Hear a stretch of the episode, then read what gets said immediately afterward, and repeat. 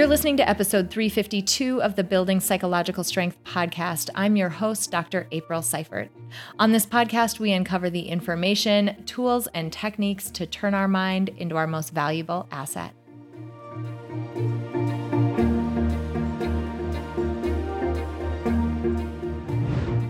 Hey, everyone, and welcome back to this episode of the Building Psych Strength podcast. I'm Dr. April, and I'm happy that you're with me.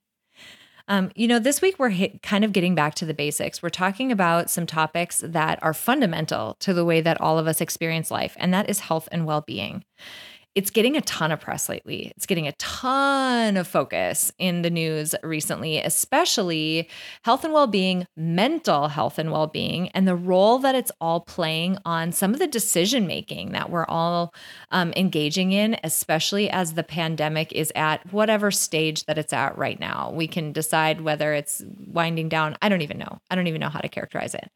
But it's been interesting because we all had this shift in the last couple of years, you know, sometimes away from the office, or maybe we didn't have enough time to take care of ourselves, or vice versa, that is impacting our health and well being. And today we're going to be talking to an expert about some of the factors that help promote positive health and well being, and then some of the things that detract from it. Today, we're going to be speaking with Laura Putnam. She is the author of the award winning book, Workplace Wellness That Works. And she's the CEO and founder of Motion Infusion, a leading well being provider. Her work's been covered by MSNBC, The New York Times, Fox News, ABC News, US News and World Report, Entrepreneur, Business Insider, and NPR. She is a former urban public high school teacher international community organizer, dancer, gymnast, and now a movement builder in the world of health and well being. She's got a mission to get people and organizations in motion, and she's a frequent keynote speaker and has worked with a range of organizations from Fortune, Fortune 500s to government agencies to academic institutions and nonprofits.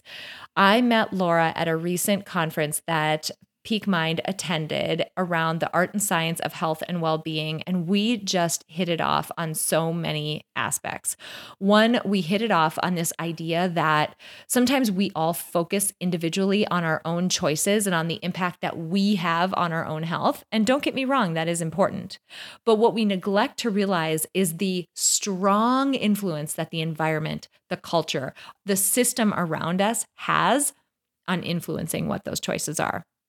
We had a great conversation about that, and we talk about that in this episode. We also talk about some of the things that we can do as influencers inside our families, inside our organizations, and inside of our jobs and our companies to promote a culture of health and well being, to make the healthy choice the easiest choice, the most fun choice, the the most beautiful choice. How do we use some of the aspects of decision making, of habit formation and change that we know influences people's behavior and put them to place to create a culture that supports and this is Laura's uh, way of characterizing it. I'm just going to reiterate it here because I love it that supports all of us showing up as our best because that's really what health and well-being is about. How do we take care of ourselves so that we can show up as our best because we know when we don't do that that's completely impossible. So, this episode is one that I've been so excited about because Laura is just such an expert and is such a great teacher because of her background that I know you're going to learn a lot in this episode. All right, let's dive into it with Laura Putnam.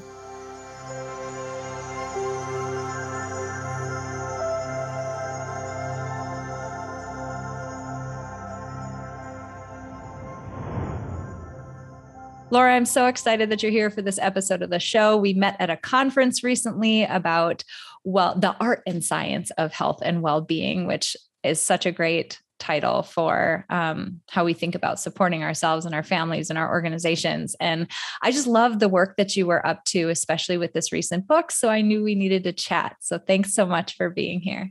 Thanks for having me, April. So you really focus, especially, you know, in, in this most recent work on workplace well-being, which is such a hot topic right now. And I think we're going to get into that. Um, but you and I share a common passion for taking some of the good information, right? The really good, meaty, data driven, evidence based stuff that tends to be very conceptual and tends to feel to people who maybe aren't as deep into a particular field. It tends to feel like it doesn't apply to our lives, like it um, like, I don't even know what to do with this. And I know you have a point of view on that and you talk about it a bit in your book. So, can you talk a little bit about what that means in the context of health promotion and well being and how people can kind of narrow that gap or bridge that gap and actually apply some of the things we're going to talk about to their lives? Well, there are a couple of things to to your point. The first is when it comes to basic health and well-being, all of us know already what to do. Isn't that funny? We all like, we're just searching for the silver bullet, and it's like, dang it, we already know it. Yeah. So, you know, you'd be hard pressed to find any smoker who doesn't know that smoking's bad for them, anyone who doesn't know that it's a good idea to eat more vegetables, get more exercise.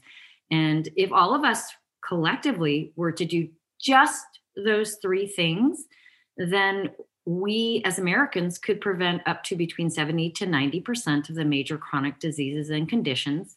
Mm-hmm. As much as we all know that, less than 3% of Americans do those three simple things.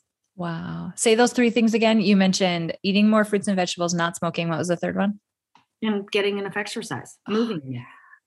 yeah. So I know that there's a lot of conversation now from wellness to well being to even human being. I know something we're going to be talking about in just a moment, but uh, um, just you know, just those basic three things.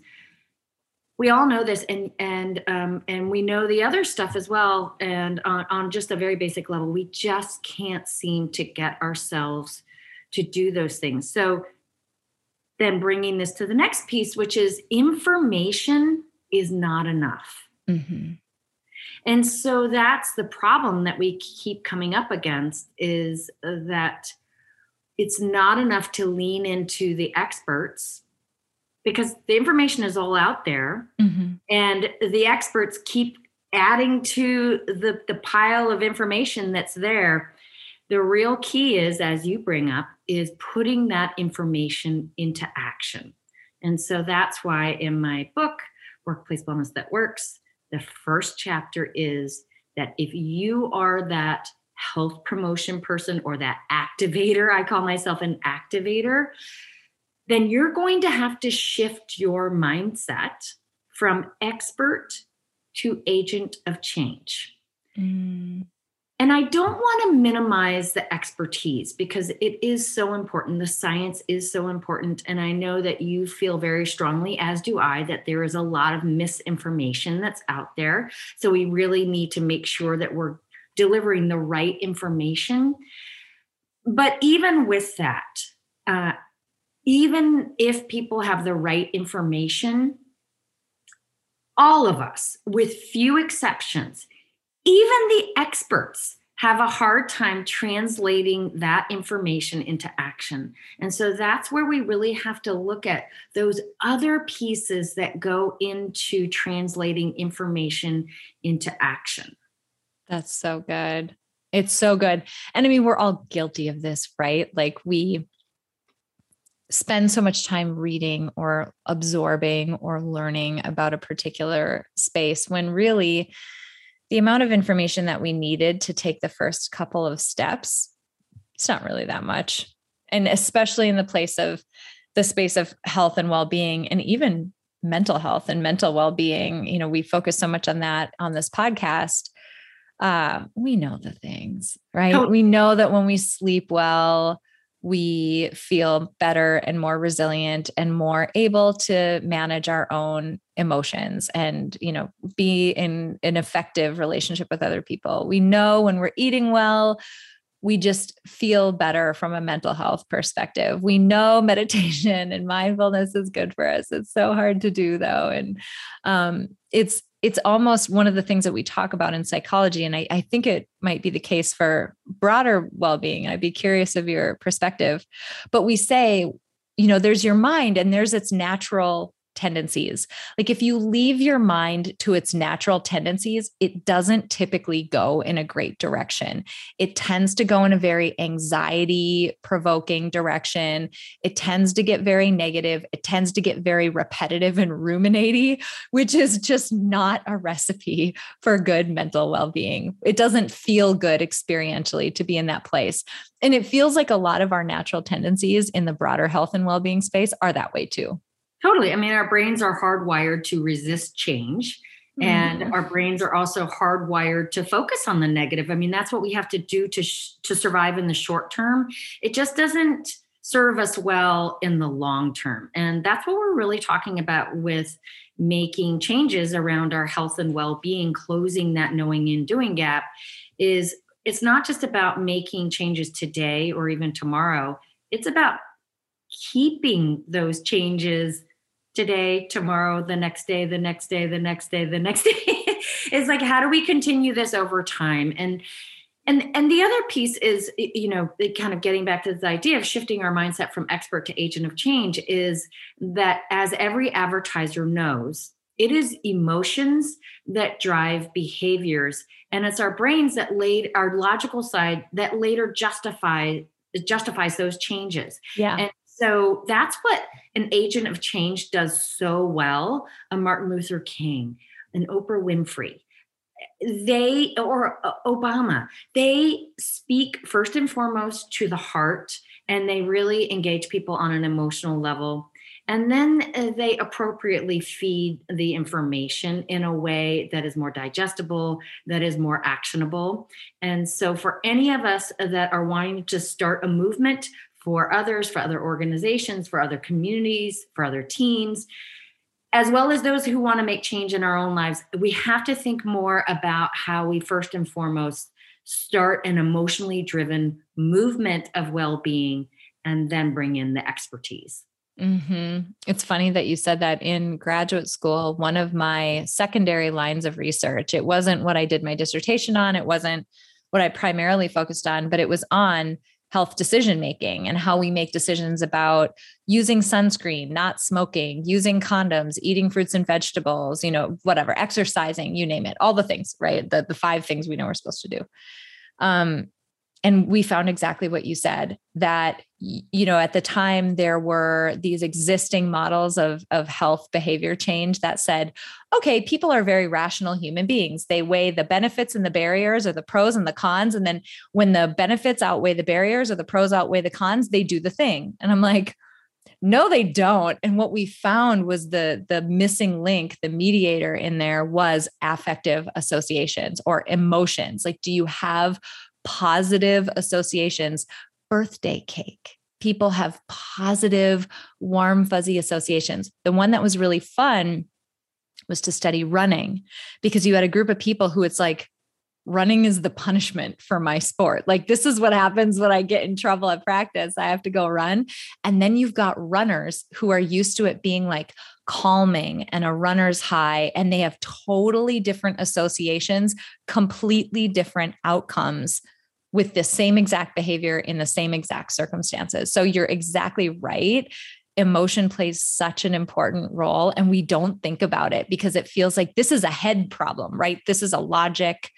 Let's think this through information problem, but it just underscores what you said earlier. This is totally. not information. I mean, you know, it's interesting that kind of the piece that I bring to the field is I, I'm not a scientist, I'm not a researcher. What I am is an, I'm an educator. I'm a, a trained and experienced educator where I pull my kind of what I bring to the field is my experience as an urban public high school teacher and mm. educational reform leader.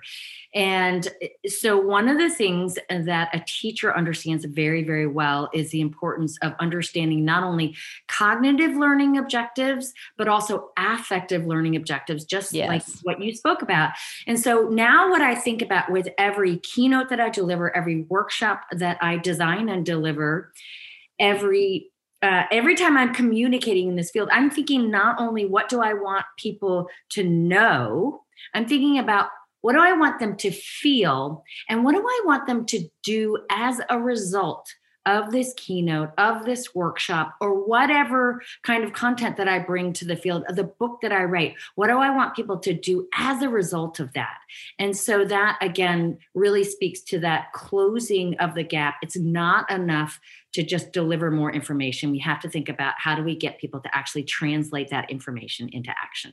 Yeah. Your stuff is especially timely given everything we've been through in the last couple of years. Um, I'd love to hear a little bit about where your book fits in, especially especially now with where we're at after the crazy experience we've all had with COVID and everything else that's come with it. Yeah, there's so many things that kind of lessons learned. Um, one is that there's the pandemic itself and all that has, you know, the pandemic, just the physical impact that the that COVID itself has had on us. Right. But then there are the pandemics within the pandemic. So there's a mental health crisis. So the toll that the pandemic took on us and all the measures that we had to take like social distancing and masking up and double timing as caretaker and professional yeah. that that extracted on our mental well-being as a result of the pandemic. But then there's also things like the diabetes crisis. Like that has exponentially exploded yes during the pandemic and that's been kind of overlooked. And so again it's all those basic behaviors that we spoke about at the beginning that uh, have gotten uh, that have not gotten better they've gotten worse. And so um, those problems are still with us this this conundrum around healthy lifestyle. People know what to do but they don't and the real question is why and so that i know that's the work that you're doing that's the work that i'm doing and i would say that the the way that i'm approaching it now is really looking at it more from an outside in perspective mm. what have mm. we all kind of collectively done that has made it the healthy choice actually really the hard choice? How have we collectively designed these so-called obesogenic environments in which the environment and the culture itself is driving obesity and unhealthy lifestyle? When I forget to ask you the question, remind me that that's the question that I want to ask you around this outside in piece. Um, before we go there, something that I want to highlight though is this I've been calling it the secondary pandemic, um, not even around the mental health piece, because I think that's getting quite a bit of press right now, which to some extent makes me roll my eyes a little bit because I'm like, did you not know how prolific mental health problems were and challenges were before the pandemic? Like, did you not realize how much your employees were struggling and were just holding on by the tiniest grip? and I, the pandemic just exposed all the weaknesses in our system. So here we are. But the, the piece were already planted, whether we're talking hundred percent, we're talking about diabetes uh, crisis, or we're talking about a crisis of of privilege and how yes. the systems are set up where some people have much, much, much, much easier access to making the healthy choice compared to others, and all of these issues were only accelerated and further exposed by the pandemic. Yeah. The secondary pandemic that you mentioned that I want to highlight to folks a bit more. My husband's an ER physician and he sees this every single day. He's going to go into work today to this evening and see it. It's people who for 2 years for reasons, right? We said don't leave your home, don't go anywhere, especially if you went to a medical facility, there's people with COVID there. So and in the beginning we didn't know now, even though we can, I think we've all kind of, I mean, habits happen and we've gotten into habits that aren't supporting our health and well-being but truly um, the at least in our area the emergency departments are completely overloaded and inundated. You cannot get in seven hour waits no seating in the waiting room anywhere and it's not covid. It's just exacerbated chronic conditions because we as a uh, when we talk about population health, we as a population for a long time haven't been able to do some of the things, not all, some of the things that would support and help keep those chronic conditions under control. And then we kind of fell out of the habit of knowing, or, you know, of having it be part of our lives. So I think that's an important one to underscore for folks because if you haven't set foot in an emergency department recently, it would be shocking if you walked in right now and saw what you saw. Well, and I think that those emergency rooms or those urban public high schools where I taught is that there are two Americas. Yes. There, there's a growing division between the haves and the have nots. We have the highest level of income inequality that we have had since the late 1800s. Mm-hmm. We are today where we were in the Gilded Age. And so, in an area where I live in the Bay Area, we have the highest concentration of billionaires. And at the same time, we have an explosion in homelessness. Yeah. And so, um, these two realities are happening. And so, during the pandemic, for some people, they profited wildly during the pandemic. For some people who were non essential workers, they got more time with their family, they got more time in nature, they got more time to mm-hmm. kind of manage their own time. And then for others, it was exactly the opposite experience. So that's something that we really have to look at as a society is that are we going to continue with this kind of approach each person is on their own. Each person has to take responsibility for themselves and their family. Or are we going to instead think more about all of us in this together and we think more about how my health and well-being matters to you and yours matters to me and the only way forward is together? And you just made the point that I was referencing earlier around make me ask you this question. Because in the United States we're very individualistic right like as a, as a culture we're very individualistic and that just means um, I believe that my outcomes are mine to manage. I believe that my choices are mine to make. Um, we sort of put ourselves on that island. But where this doesn't help us is when I'm going to call it, I'm just going to say systemic as just a very umbrella word. When systemically, it almost preys on that individualistic nature that we all have to say, no, no, no, no, no. It isn't that we've made unhealthy food more available more or less expensive, more prolific than healthy food. That isn't it. It's that you are making bad choices. It isn't that, you know, there there's so many examples that we can give of this just across the board.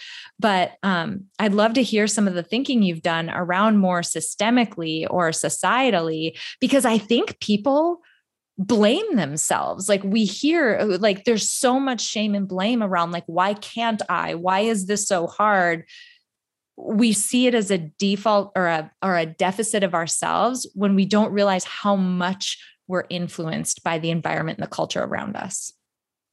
Yeah, I mean, just as people like Raj Chetty, who is a leading economist, has been looking at the state of the American dream and the extent to which some people have easy access to it and others don't. The same is true when it comes to the pursuit of our health and well being. And so that's why I've been really talking about and thinking about this idea of wellness privilege. Do you have wellness privilege?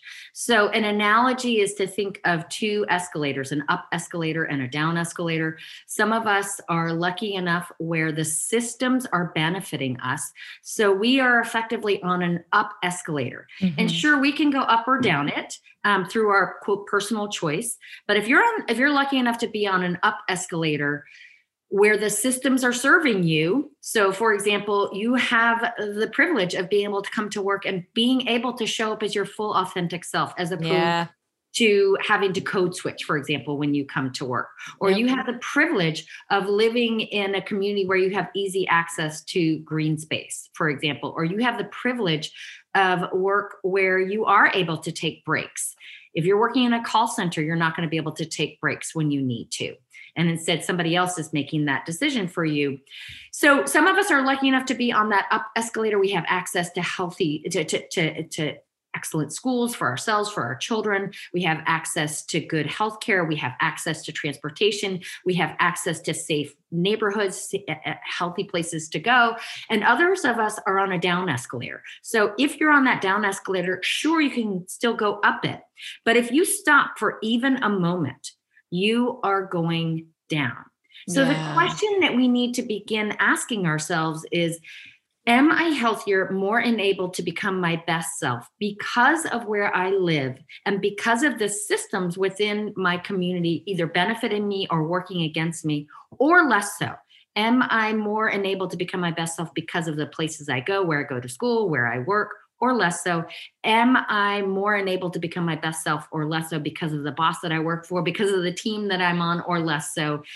And then within that, it's like, okay, given these concentric circles of cultural and environmental influence, how do I become my best self? So mm. we just mm. have to kind of reframe that personal responsibility mantra and understand uh, that we are arguably more creatures of culture than we are creatures of habit.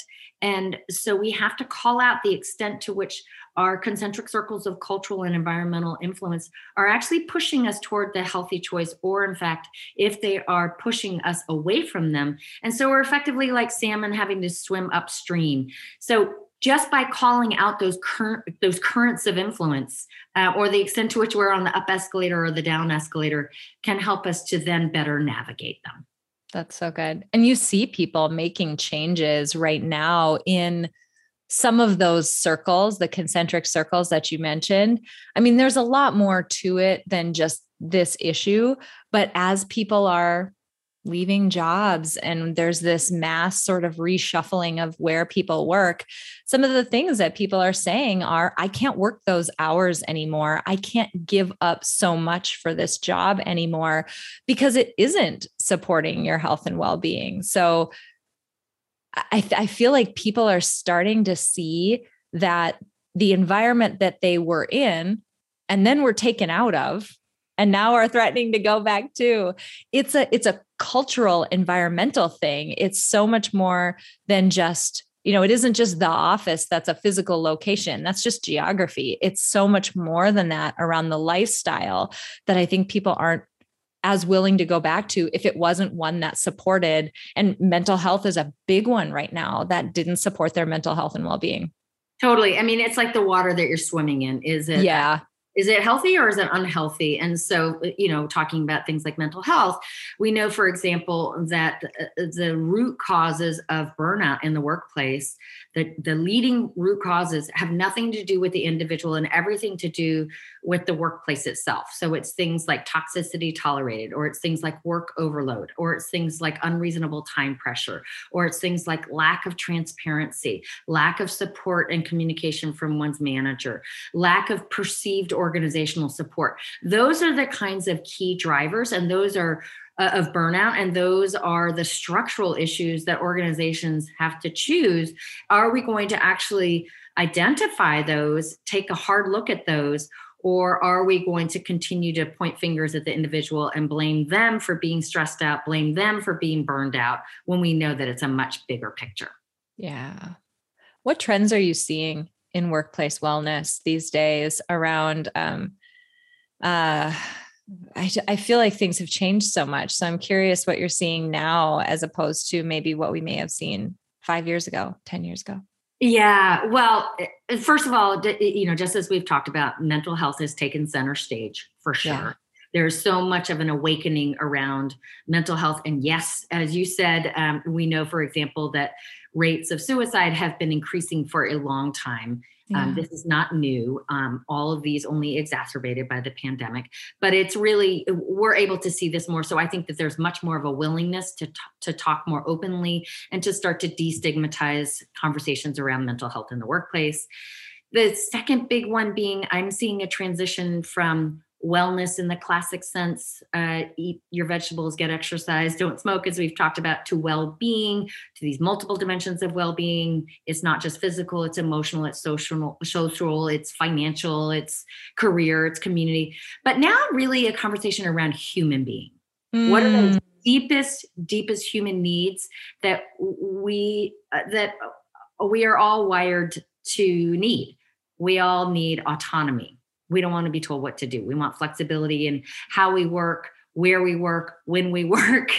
Um, these are things that we all need. We all want to be in connection with one another. We all want to feel like that we matter. Then another big trend that I'm seeing is um, just you know this. We're asking the question: Do you have wellness privilege? And um, as I've talked about before, and uh, really understanding those systems at play. It's not just an individual issue, it's also a systemic one.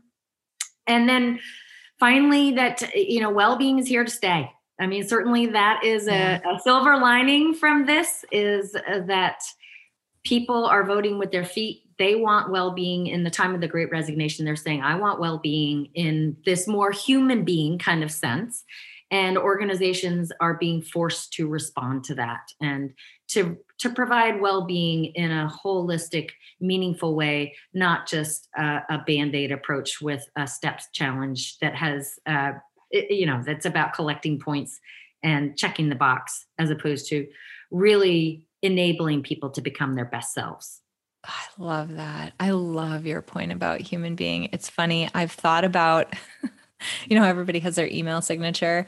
I've thought about putting, and I just, I don't have them complete yet, or they would be on my email signatures, but what my rules are for meetings, and they are all things around that. You're a human being who needs to eat once in a while. I literally cannot think of a single person, professionally, personally, anything like that, that I would meet eat or meet with. Minus maybe a podcast interview where audio is important and it's going to be recorded and used. But minus that, where if you are hungry, get a sandwich or get like you can eat on any meeting with me. But that has not been the case. Like the number I think I looked it up at one point. It was like 60% of knowledge workers regularly skip lunch or eat through their lunch or work through their lunch um, on a regular basis. And that's just one aspect, right? Like, if stress is keeping us up, we're not sleeping, we're in an office environment with no ability to rest back to back with meetings all day, we're not resting or getting any rejuvenation during the day, we're not eating. I mean, maybe we drink some water during the day, but like the basics. And then you get into other things like autonomy and all of that. And we really had been very robotic and this focus on optimization of our workforce.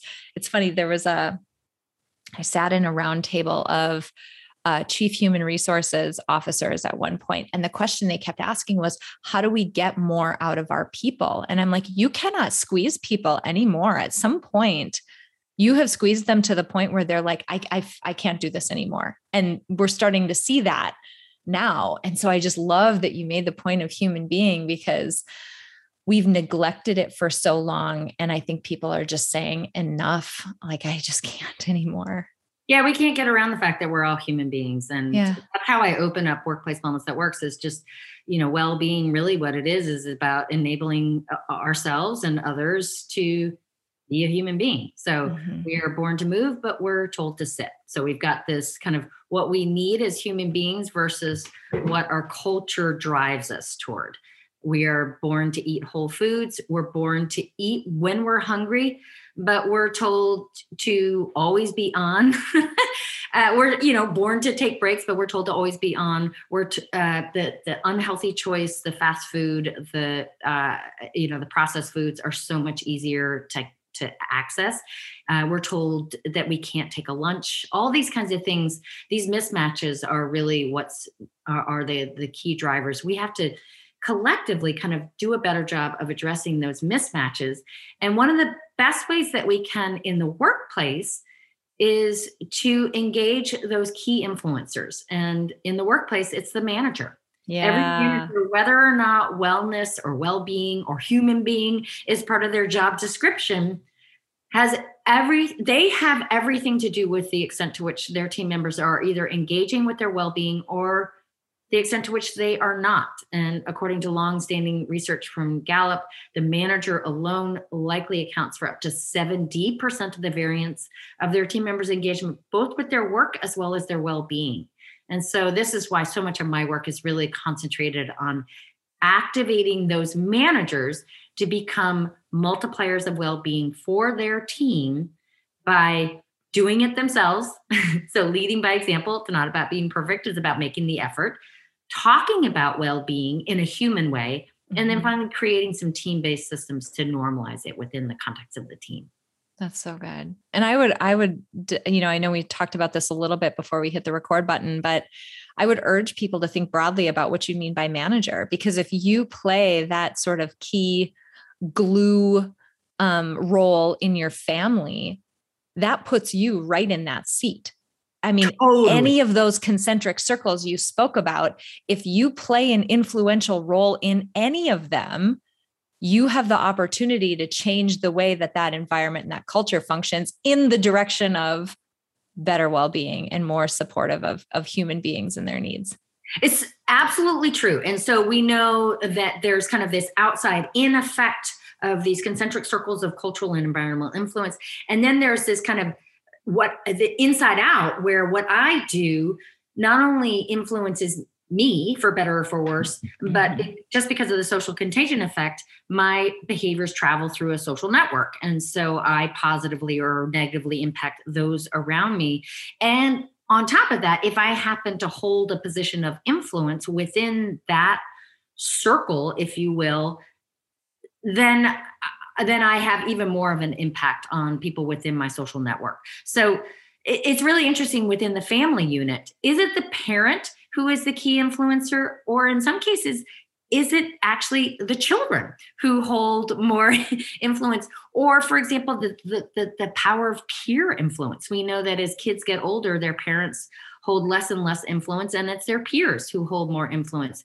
So um, i absolutely agree with you about really identifying kind of those larger systemic forces but also identifying those key influencers within these little pockets that can have an outsized influence on those around them yeah, you talk about a number of different ways in the book that um, people can do that. So, practical, tactical things that people can do.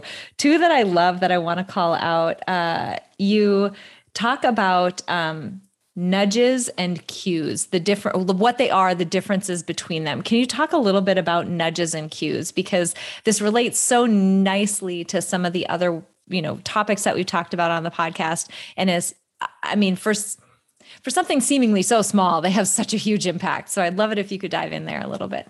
Yeah, I mean, uh, uh, so when I talk about how do we get workplace wellness to work, take this really good idea, which is to leverage every workplace to promote better health and well being. The biggest thing that I see is that we can take more of this outside in approach and think less about what the individual should be doing differently and more about how do we simply optimize the environment and the culture so that health and well-being the pursuit of health and well-being becomes easier and more normal mm-hmm. so nudges are environmental prompts that drive us toward the healthy choice so making healthy bringing healthy food to every meeting for example every manager can do that if you're in person but also cues are cultural prompts that make it normal. So, what are some simple rituals of well being, like kicking off a meeting with naming three good things that help everybody to become a little bit more resilient, a little bit more optimistic? But thinking uh, that more, how do we do this as a team as opposed to just relying upon individuals to do it for themselves? So, thinking less about self care, thinking more about team care. And then, uh, to your point, we can also do this as individuals, kind of acting as architects within our own space that we operate within. So if I want to be more active, for example, then maybe I should just set out my walking shoes, have my uh, clothes all ready to go so that it requires less, a little less effort for me to get myself out the door. Mm-hmm. Or so good. How, yeah. Or how might I like do a little refrigerator architecture where I get the healthy options. I wash the veggies, I cut them up, put them in glass containers so that when I open the refrigerator, it's like there's zero effort in going and grabbing a carrot stick because it's already washed. It's right there in plain sight for me. So I'm more likely to actually eat it. I love that. And people, you know, people think it's sort of cheesy when you see some of these, um, like you see videos on TikTok all the time of people making their fridge look beautiful and all of this stuff. But we have to recognize the psychological role that that has on our decision making. We are human beings. At the bottom line, things that are easy are more likely to be done. Things that are fun are more likely to be done. Things that are good looking are more likely, you know, like we're drawn to things that are easy, fun, good looking. So if we can make it just sort of a default, and it, it's funny because so much of what we teach in Peak Mind, we're taking the just general rails that your mind runs on. Like our mind likes to create shortcuts. Great. Cool. If you let it do its own thing, it's going to create a whole bunch of shortcuts that a bunch of them won't serve you very well. But you can also use that same mechanism to get your mind to create a new shortcut. And what you're talking about here is using our own just natural tendencies for good rather than unhealthy. I don't want to say evil, not evil, but for unhealthy. Are there other suggestions you have for people who are in influential roles that they might help support that outer, the systemic, the the I guess scaffolding that makes it more likely for us to have healthy lifestyles? Well, another chapter in the book is uncover the hidden factors. That is, take mm. a dive and take a look at your culture. Is the the larger culture across the organization one that is likely to support this the pursuit of well-being or is it actually undermining it? So you have these wellness programs that are giving that, that signaling and messaging one thing that often are in complete contradiction to what you're trying to promote yeah. in your wellness programs. And also doing that to, you know team by team. Um, you know what's the kind of cultural norm within our team but just to call that out and to just to start to take a, a hard look at the culture and assess it one of my favorite ways of doing this is actually with images. And i do this in the context of, of workshops particularly with managers and leaders. And so i have a series of different images. So you know positive images like holding hands or light through the trees and then more negative ones like uh, you know sherpas carrying heavy backpacks or a horse kicking the other one in the face and i ask these managers and leaders the questions okay if you were to ask the average employee here in your organization to identify the image that best depicts their day-to-day experience when they are at oh. work which one would they pick it's are, are so they gonna, not the light shining through the, the trees. yeah. Are they going to pick the holding hands or are they going to pick the horse kicking the other one in the face? And then think about that for your team. Think about that for you personally. And then where would you like to be as uh, as an individual, as a team, as an and as an organization? So that is um, that clarity i think is so important and then the the other piece that i would offer something else that i talk about in the book is starting with what's right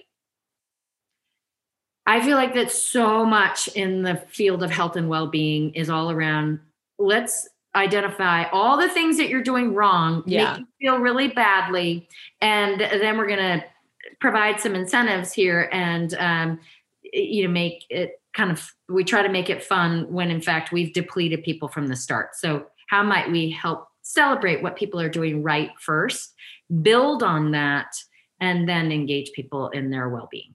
This is so good.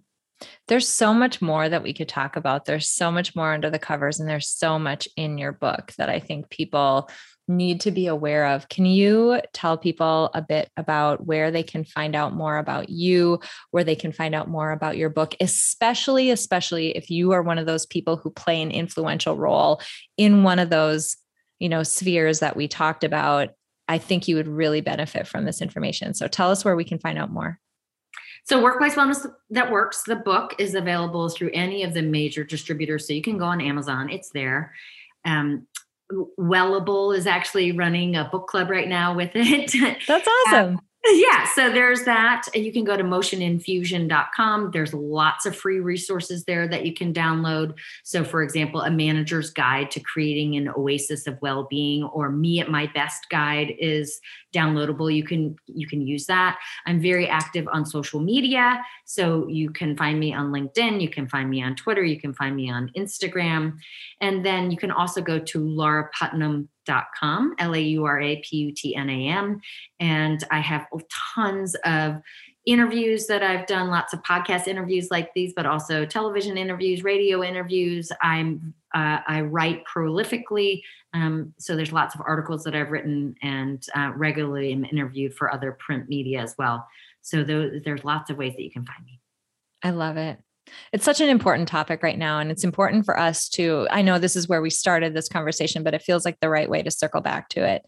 The gap between the conceptual and the information versus what actually happens in our lives, we need to focus on ways to close that gap or bridge that gap, whatever the metaphor you want to use is, because ultimately, you know, people's their health and well-being i mean that is like number one if you don't have that everything else is so much more difficult or impossible in your life so i appreciate the work that you're doing to help bridge that gap it's something that i'm passionate about as well and i just appreciate you being here and sharing this with us You know, a couple of uh, closing thoughts. Yeah. Um, one is to your point, there's a Chinese proverb ask a healthy man what he wishes for, and he'll tell you a thousand wishes.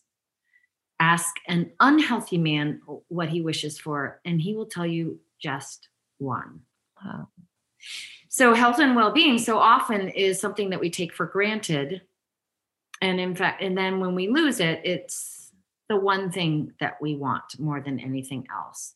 So, how can we all take measures so that it's not too late and it's something that we can optimize now, um, for lack of a better word? And more importantly, how can we do this together so that mm-hmm. it's not such a heavy load for every individual? And how can we really recognize that there really is no me without you, and the only way forward is together? So good. That was perfect.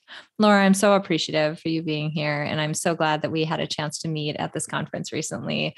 Um, we both share just a passion for helping people um, experientially live life in a way that is full and vibrant and feels good. And, and so much of the work that you do helps with that. So thank you so much. Thank you, April. All right, friends, I have a few additional resources for you in addition to the link where you can grab Laura's book. So hang with me for one more second, and I'll be right back with a few more goodies before we close this episode out.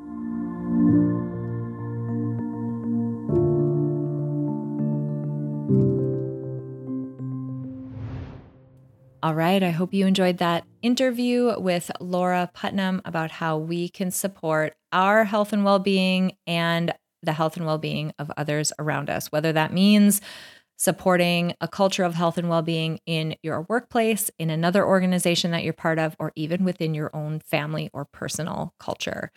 I hope all of the information that she shared and the practical tips are helpful in helping you to make meaningful changes in your own health and well being. As somebody who has a chronic condition, I've lived with multiple sclerosis for almost 30 years. Um, I can definitely tell you that her point about wishing to have your health and well being there when it's been taken away, there's so much truth to that. So you're worth it. You are worth taking care of. And I hope this episode helped you do that. A few additional resources. One, I've linked to Laura's book, Workplace Wellness That Works, down below in the additional resources section. So if you're interested in that book, if you are a person inside an organization that supports workplace wellness, please check that book out because there is so much in it that draws from the field of psychology, draws from the field of decision making to help support your teams to make better decisions and better support their wellness. The second thing that I wanted to talk about is a podcast episode. It was episode 275. It's called The Link Between Self Compassion and Self Care.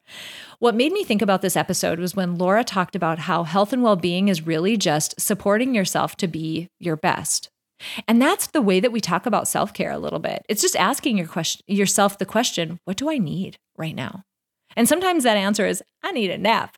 Sometimes that answer is, I need to go for a walk. Sometimes that answer is, I need to eat or drink a glass of water or sleep, go to bed early tonight. Asking yourself, what do I need? And then fulfilling that need is the most basic, most fundamental act of self care. But in order to do that, sometimes there's a barrier there that we don't realize. And that barrier can be the critical nature that we, or the critical relationship that we have with ourselves. Sometimes we can feel like we're not deserving, like we aren't as big of a priority as other people are. And self compassion, which is the other half of that, that episode, the link between self compassion and self care. Self compassion can help us develop that better, more effective, more deep relationship, more trusting relationship with ourselves so that we remove that barrier and are and in are in a much better position to support ourselves and care for ourselves. So, wanted to call that out, episode 275, the link between self compassion and self care. The last one that I want to call out is an episode called Develop Better Habits in 2022. This is episode 325. Here we're doing a great job of breaking down the habit change literature. And so, if you are a person who wants to make changes for yourself, we really draw on a lot of the similar things that Laura talked about in this episode and that she mentions in her book. So, if you want to get maybe just a quick primer on that literature, it's a really good episode to start with because it's very practical and talks you through how to make these changes in your own life. So, episode 325 Develop Better Habits in 2022. It's just named that because I released it toward the end of the year. It will work at any point in time if you put it into practice. Thank you guys so much for being with me each and every week. It's funny, I've been talking to some people about growing the podcast and doing some work on the back end. And every single time, you guys are the people that I'm thinking about. I'm thinking about this audience, how I can serve you more, how I can continue to serve you. Um, this isn't really my job. And so doing this is truly a passion project of wanting to get good information and good experts out there. So uh, I'm likely to be reaching out in the coming few weeks with a bit of an ask. Um, I think I'm going to run a survey of the audience of this podcast to just understand a little bit about what you might want out of this podcast, who I might reach out to to try to get as a guest. Uh, so start thinking about that. Start thinking about what you might want me to do on this podcast, topics you want me to cover, etc. Because I'm here for you. I'm here to support you. That's why we exist. That's why the podcast exists. So I'm so appreciative of you. And finally, let's remember that time is the most non renewable resource on the planet. And I'm grateful to each and every one of you who chose to spend some of your precious time with me today. I'm Dr. April Seifert, and I'll see you next week.